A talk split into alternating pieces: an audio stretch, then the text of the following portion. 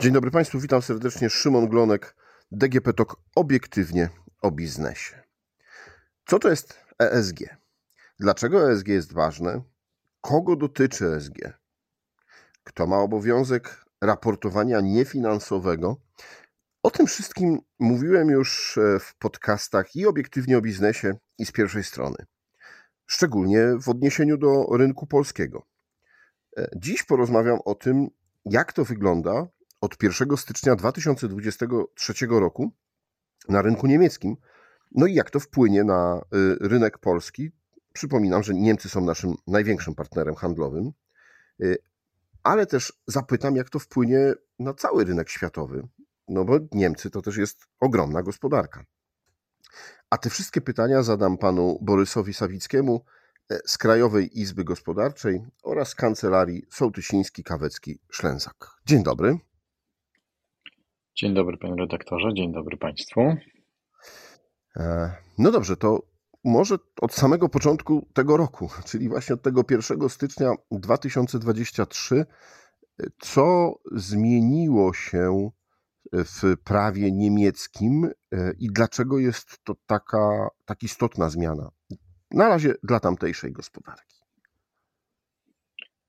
1 stycznia 2023 roku weszła zaczęła obowiązywać e, ustawa o obowiązkach należytej staranności przedsiębiorców w łańcuchu dostaw. To jest e, ustawa, która mm, nie jest pierwszą tego typu regulacją, bo w 2017 roku e, we Francji weszła w życie ustawa Loi de Vigilance, która mm, również zobowiązywała przedsiębiorstwa do mm, zwracania uwagi na prawa człowieka i zagadnienia środowiskowe, ale y, dotyczyła francuska ustawa tylko przedsiębiorstw zatrudniających powyżej 5 tysięcy pracowników. W rezultacie to było jedynie 100-150 spółek działających we Francji, czyli zakres zastosowania był E, był, był e, dość wąski i e, dotyczył jakby ten zakres badania wpływu na prawa człowieka i zagadnienia środowiskowe dotyczył tylko bezpośredniej działalności danego przedsiębiorstwa. Ustawa niemiecka idzie o krok dalej, a nawet można powiedzieć parę kroków dalej, bo już sama jej nazwa wskazuje, że dotyczy łańcucha dostaw, czyli nie tylko przedsiębiorstwa, które bezpośrednio ustawie podlega, ale również jego dostawców. Przedsiębiorstwo ma obowiązek monitorowania, e, przestrzegania praw człowieka i zagadnień środowiskowych po stronie swoich dostawców. Mm, to, przy czym nie jest to obowiązek bezwzględny, zaraz sobie o tym, e, o tym powiemy. Ustawa od 1 stycznia ma zastosowanie do wszystkich podmiotów mających siedzibę lub oddział w Niemczech, w tym także do spółek zagranicznych, jeżeli zatrudniają przynajmniej 3000 pracowników na terenie Niemiec. Od 1 stycznia 2024 roku ustawa będzie miała zastosowanie do przedsiębiorstw zatrudniających powyżej 1000 osób, czyli jej zakres zastosowania znacznie się zwiększy. I tak jak powiedziałem, e, zobowiązania wynikające z ustawy stosują się nie tylko do tej spółki zobowiązanej, podlegającej regulacji, czyli zatrudniającej powyżej 3000 pracowników, ale również do jej dostawców. Natomiast to też nie jest tak, że ustawa natychmiast nakazuje każdemu przedsiębiorstwu, które podlega e, jej zastosowaniu, zbadaniu wszystkich jej dostawców. Jest e, pewien mechanizm weryfikacji e, oparty na zasadzie ryzyka dla praw człowieka i dla kwestii środowiskowych, które przedsiębiorstwo podlegające regulacji musi wdrożyć, aby zidentyfikować tych, e, tych swoich dostawców, gdzie to ryzyko się mm, pojawia. No tak, ale mówimy tutaj o przestrzeganiu praw człowieka, E, określonych e, środków ochrony środowiska oraz standardów socjalnych. Mm, to jest bardzo szerokie pojęcie. Czy w ustawie jest ono jakoś mocniej doprecyzowane? Na jakie aspekty muszą zwrócić uwagę firmy? Nie, To jest e, ustawa e, niemiecka, e, opiera się na wytycznych OECD dla przedsiębiorstw międzynarodowych. To są takie wytyczne, które mm, już od jakiegoś czasu obowiązują, znaczy obowiązują. To jest, to jest tak zwane prawo miękkie, czyli czyli, czyli przepisy, które których przedsiębiorstwa nie mają obowiązku stosować. Zresztą bezpośrednio w tych wytycznych jest mowa o tym, że te przepisy mm, stosowane są, czy te wytyczne są stosowane na zasadzie dobrowolności. Natomiast e, generalny trend, który obecnie obserwujemy w e, ustawodawstwie i europejskim, i można powiedzieć światowym, e, jest taki, że za, zamienia się przepisy, które stanowią właśnie takie miękkie prawo, w prawo twarde, czyli zobowiązuje się przedsiębiorców do ich stosowania. No i e, ponieważ jakby uzasadnienie jest jedno proste, miękkie przepisy nie znajdują e, wystarczającego, e, nie są wystarczająco realizowane przez przedsiębiorstwa. To znaczy jest jakaś pewna grupa tych największych przedsiębiorstw, które takie przepisy miękkie, wytyczne wdraża, ale w większości przypadków przedsiębiorstwa, o ile jakieś, jakieś zalecenie czy jakieś, jakaś konkretna regulacja nie wynika z przepisów bezpośrednio mających do nich zastosowanie, te przedsiębiorstwa takimi wytycznymi mm, się nie, nie kierują swojej działalności. A jakby jednym z fundamentów, na których e, opiera się przebudowa gospodarki światowej, europejskiej w kierunku gospodarki zrównoważonej, jest 17 e, celów zrównoważonego rozwoju przyjętych w agendzie, agendzie 2030 w 2015 roku przez Organizację Narodów Zjednoczonych.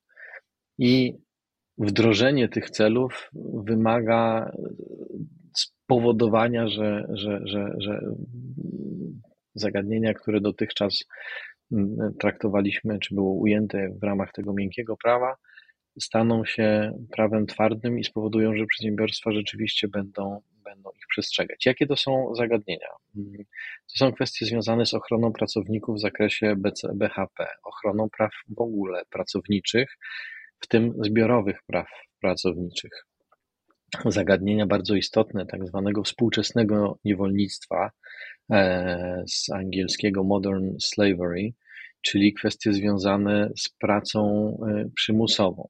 Także zagadnienia związane z pracą dzieci, kwestie ochrony dzieci i zakazu pracy dzieci. To są także kwestie związane z ochroną środowiska i ochroną zdrowia ludzkiego, czyli zagadnienia związane z negatywnym, potencjalnym negatywnym oddziaływaniem przedsiębiorstwa na ziemię, glebę, wodę, powietrze.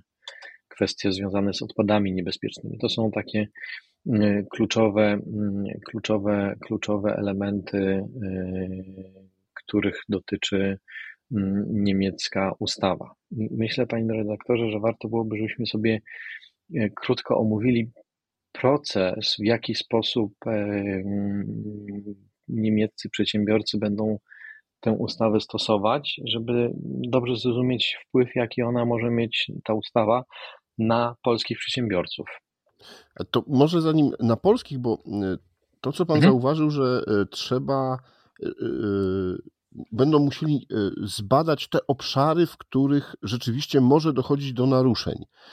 E, no to dużo większe zagrożenie jest, że do naruszeń praw człowieka, e, kłopotów e, czy też naruszeń e, ochrony środowiska dochodzi, no właśnie, w krajach afrykańskich czy w Azji.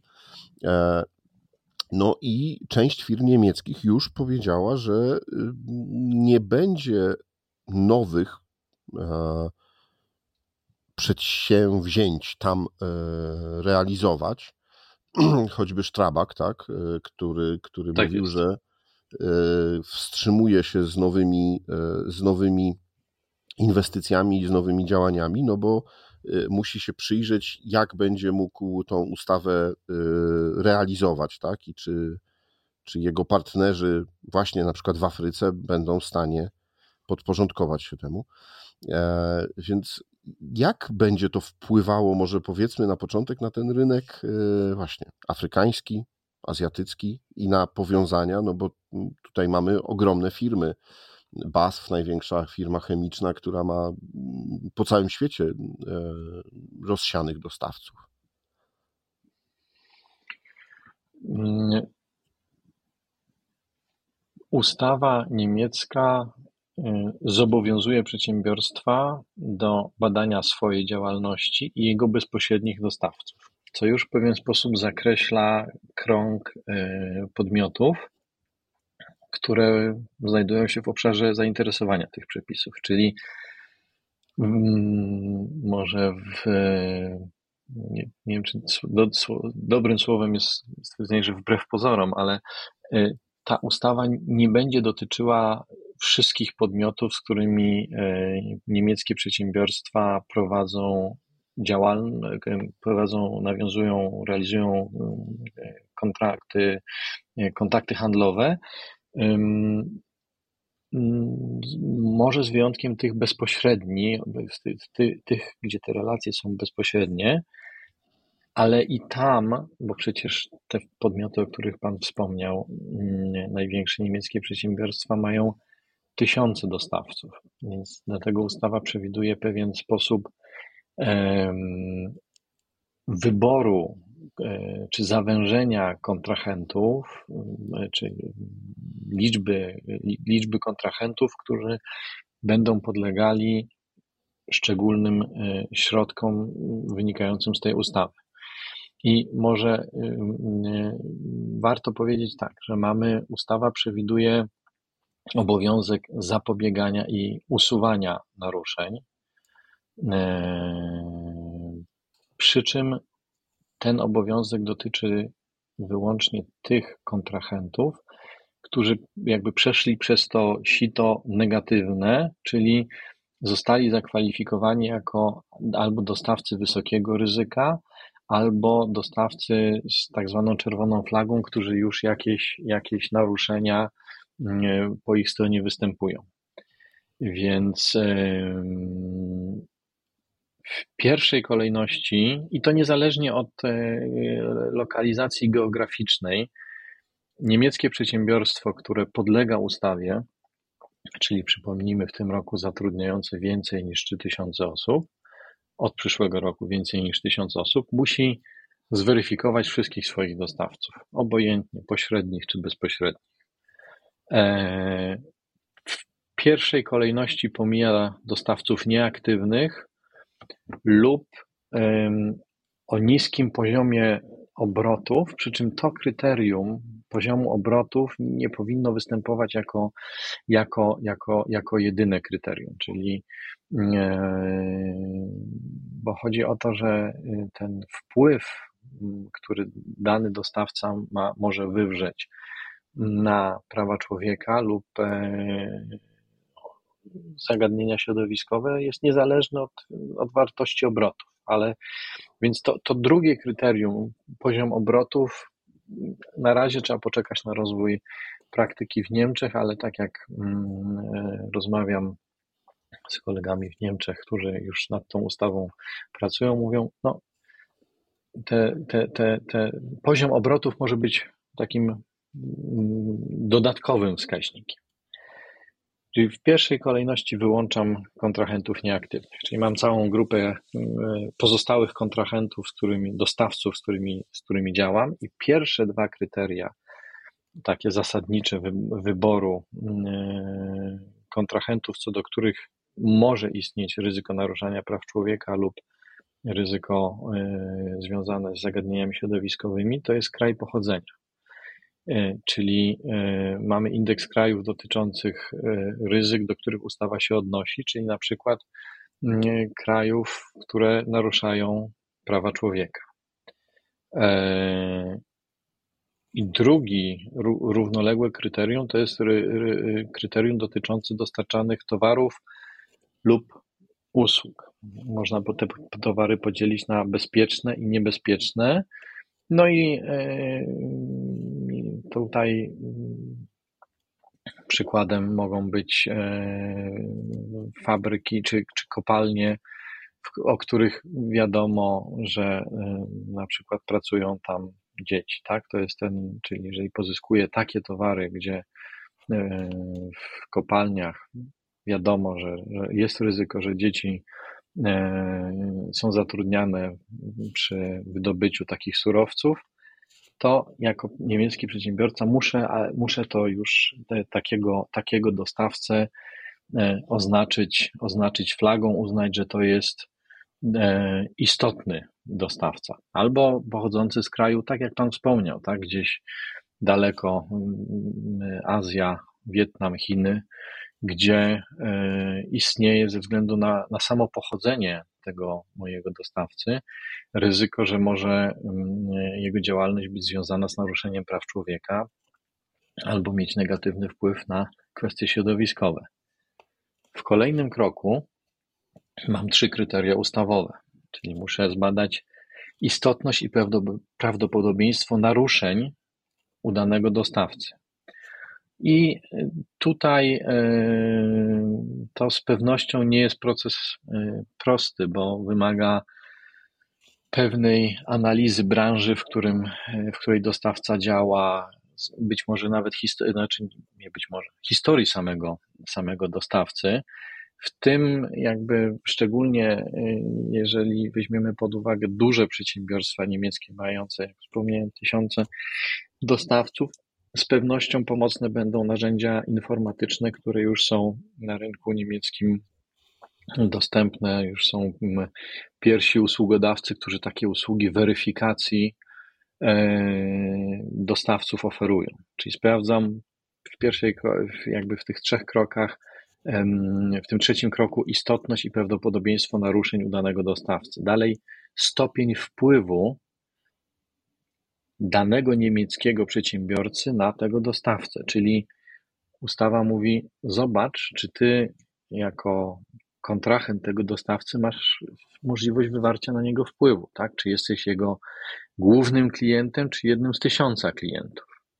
E, I e, kolejny, e, trzeci element tej, tej weryfikacji to jest zweryfikowanie, czy przez zobowiązania, które ten niemiecki kontrahent nakłada na swojego dostawcę, nie powoduje e, zwiększenia ryzyka wystąpienia naruszeń po stronie tamtego dostawcy. Czyli na przykład, czy te warunki, które zapisane są w umowie pomiędzy niemieckim podmiotem a jego kontrahentem, nie są takie, że ten kontrahent musi na przykład w sposób radykalny istotny obcinać redukować swoje koszty i w związku z tym na przykład będzie zatrudniał swoich pracowników albo e, w małej liczbie, ale w związku z tym zmuszał ich do pracy ponad, ponad normy, albo może na przykład będzie zatrudniał właśnie dzieci.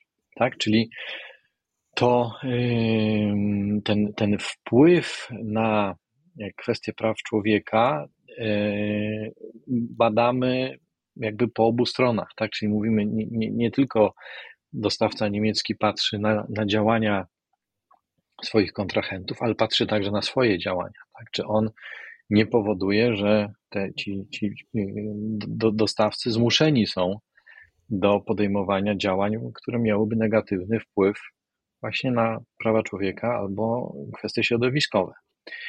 No I dopiero. I... Mhm. I tak, dopiero tak, po przejściu tego sita, tak można kolokwialnie powiedzieć, mam listę kontrahentów, co do których powinienem podjąć działania przewidziane przez ustawę, czyli albo związane z zapobieganiem wystąpienia naruszeń, albo wręcz spowodowaniem konieczności usunięcia tych naruszeń, tak? Czyli, bo y, ustawa nie zakłada, że przedmiotem badania czy przedmiotem podejmowanych kroków przez niemieckich przedsiębiorców będzie każdy kontrahent. To jest, wydaje się, rozsądne podejście, bo byłoby to albo działanie niemożliwe i nieracjonalne oczekiwanie, albo prowadzące do działań takich no, dość ograniczonych, tak? Czyli mam, zapisuję w umowie, że kontrahent oświadcza, że on nie, nie, nie, żadnych naruszeń na przykład nie, nie, nie, nie podejmuje i tyle, no bo tak naprawdę nie dałoby się tego w rzeczywisty sposób zweryfikować w odniesieniu do każdego to kontrahenta. A takie ograniczenie liczby kontrahentów powoduje, że ta ustawa rzeczywiście ma, ma, ma szansę, wydaje się, zadziałać e, i, i, i przyczynić się do ograniczenia naruszeń praw człowieka i, i zagadnień środowiskowych. No dobrze, to teraz powiedzmy właśnie o tej mm, wpływie na polskie przedsiębiorstwa. No bo ja przyznam, że tak słuchając tego, e, pomyślałem, że jest to z jednej strony szansa, bo polscy przedsiębiorcy mogą powiedzieć: OK, my spełniamy te wszystkie warunki, czyli jakby e, taką e, wykazać się proaktywnością i, i pójść do swoich niemieckich kontrahentów i pokazać: Dobra, może nie jesteśmy tak konkurencyjni cenowo jak e, producenci czy wasi kontrahenci z Afryki czy z Azji, ale za to spełniamy wszystkie warunki te standardy są u nas na wysokim poziomie. No, ale też może być tak, że mm, no właśnie, może to jest jednak kłopot, bo nie wszyscy może spełniają te środowiskowe szczególnie e, warunki i czy wtedy polskie firmy powinny się obawiać?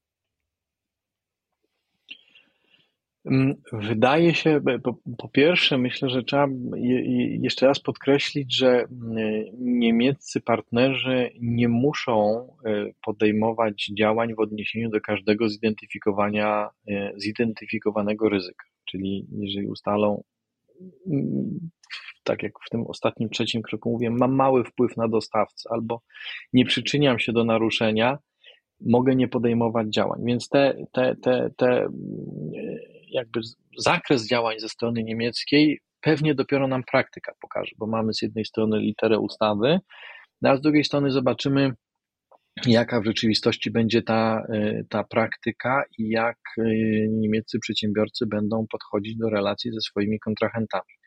Ma pan, e, ma pan redaktor rację, że e, polscy przedsiębiorcy, e, wydaje się, że to chyba jednak jest bardziej szansa niż, niż zagrożenie dla polskich przedsiębiorców, bo mm, w zasadzie przyjmuje się, że jeżeli chodzi o te podstawowe ryzyka związane z prawami człowieka, czyli mm, kwestia praw pracowników w zakresie bezpieczeństwa i higieny pracy, ochrony w ogóle praw pracowniczych, kwestie związane z pracą przymusową, czyli tego współczesnego niewolnictwa, praca dzieci, to polscy przedsiębiorcy ze względu na obowiązujące w Polsce przepisy mają w większości przypadków, e, albo zdecydowanej większości przypadków, we wszystkich tych, w odniesieniu do wszystkich tych zagadnień e,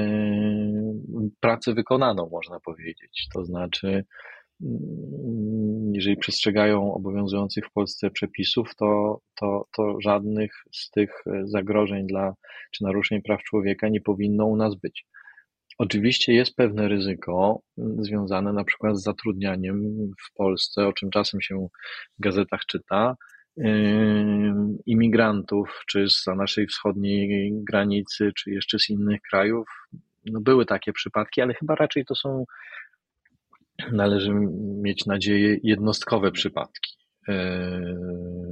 na, naruszania praw człowieka. No i kwestie środowiskowe, jednak w dużej mierze jest tak, że i przedsiębiorcy w Polsce podlegają również, również i spełniają dość surowe wymogi w zakresie prowadzenia działalności gospodarczej wynikające z przepisów dotyczących ochrony środowiska. Więc wydaje się, że, że tutaj mm, to y, po, po stronie polskich dostawców y, istnieje pewien komfort, y, że po pierwsze nie, nie wpadną w to do tej grupy przedsiębiorców wysokiego ryzyka, a jeżeli nawet, to będą się w stanie wylegitymować w sposób dość łatwy i potwierdzić, że te standardy spełniają.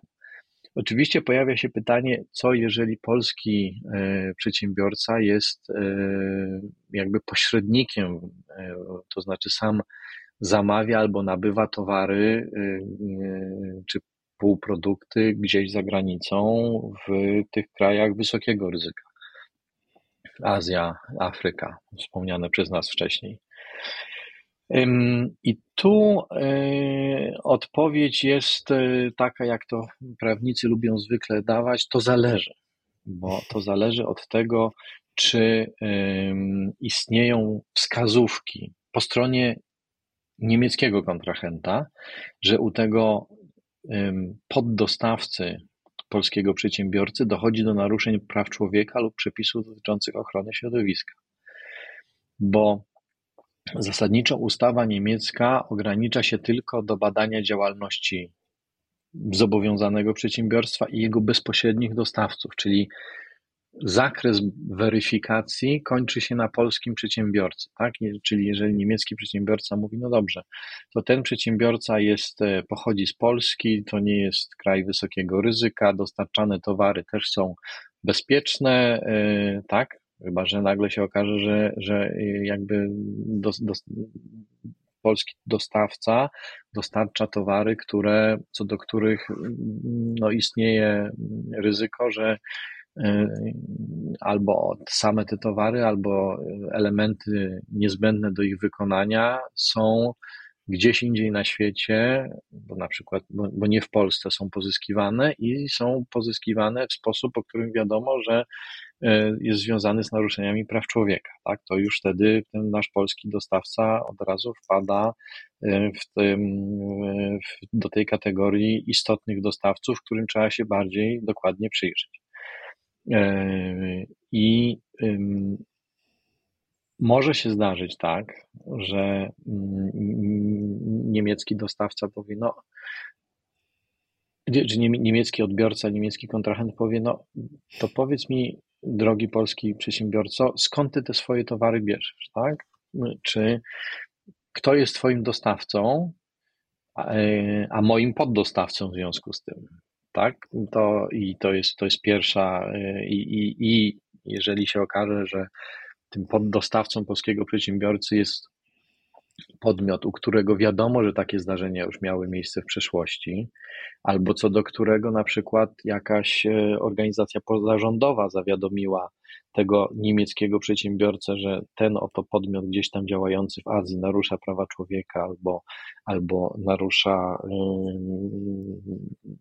albo, albo prowadzi działalność w sposób mm, zagrażający środowisku, to ten niemiecki przedsiębiorca ma obowiązek wtedy również popatrzeć na tego, mm, e, na tego e, poddostawcę, ale tylko e, bada poddostawców, jeżeli istnieją ku temu właśnie takie wskazówki, czyli posiada jakąś wiedzę, że, że, że produkt, towar pochodzi od, od podmiotu dokonującego naruszeń praw człowieka lub przepisów dotyczących ochrony środowiska. Także wydaje się, że po stronie polskich podmiotów jest spora przestrzeń na polskich przedsiębiorców, jest spora przestrzeń na pokazanie, e, my sami jesteśmy, mm, jesteśmy e, przestrzegamy tych, tych regulacji dotyczących prawa człowieka i ochrony środowiska. I mamy też takich kontrahentów, którzy tego no, przestrzegają, e, którzy są, jakby można powiedzieć, czyści. Także to jest niewątpliwie, wydaje się, chyba jednak szansa dla, dla naszych przedsiębiorców, jeżeli prowadzą działalność w taki uporządkowany sposób. No to, drodzy przedsiębiorcy, warto tą szansę wykorzystać, przyjrzeć się e, swojemu łańcuchowi dostaw. Może nie aż tak bardzo szczegółowo, no ale ale pewnie znacie swoich kontrahentów, więc też wiecie. No i próbować y, właśnie aktywnie y, mm, poszerzać swoją obecność na rynku niemieckim dzięki temu, że przestrzegamy tych wszystkich praw. Dziękuję panu bardzo Warto, za... panie redaktorze, je- jeżeli mogę jeszcze, bym dodał, warto, warto to zrobić, również dlatego, że e, w pracach e, znajduje się, w pracach legislacyjnych po stronie Komisji Europejskiej znajduje się dyrektywa dotycząca e, należytej staranności przedsiębiorstw. Ona się e, po angielsku ładnie nazywa Corporate Sustainability Due, Diligence Directive, CSDD w skrócie, czyli to jest taka dyrektywa, która będzie zobowiązywała wszystkich większych europejskich przedsiębiorców do badania całego swojego łańcucha dostaw e, w zakresie naruszeń praw człowieka i e, zagadnień ochrony środowiska.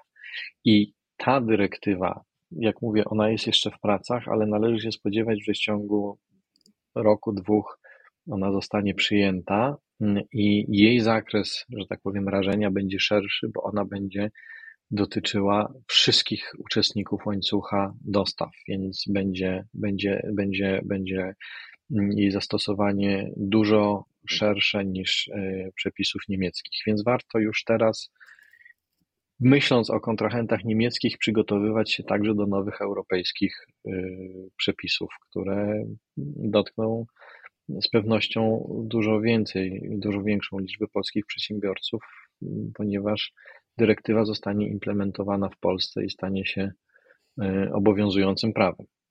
To trochę pieśń przyszłości, ale, ale warto się już Ale do tego warto, tak. Warto o tym, warto o tym myśleć.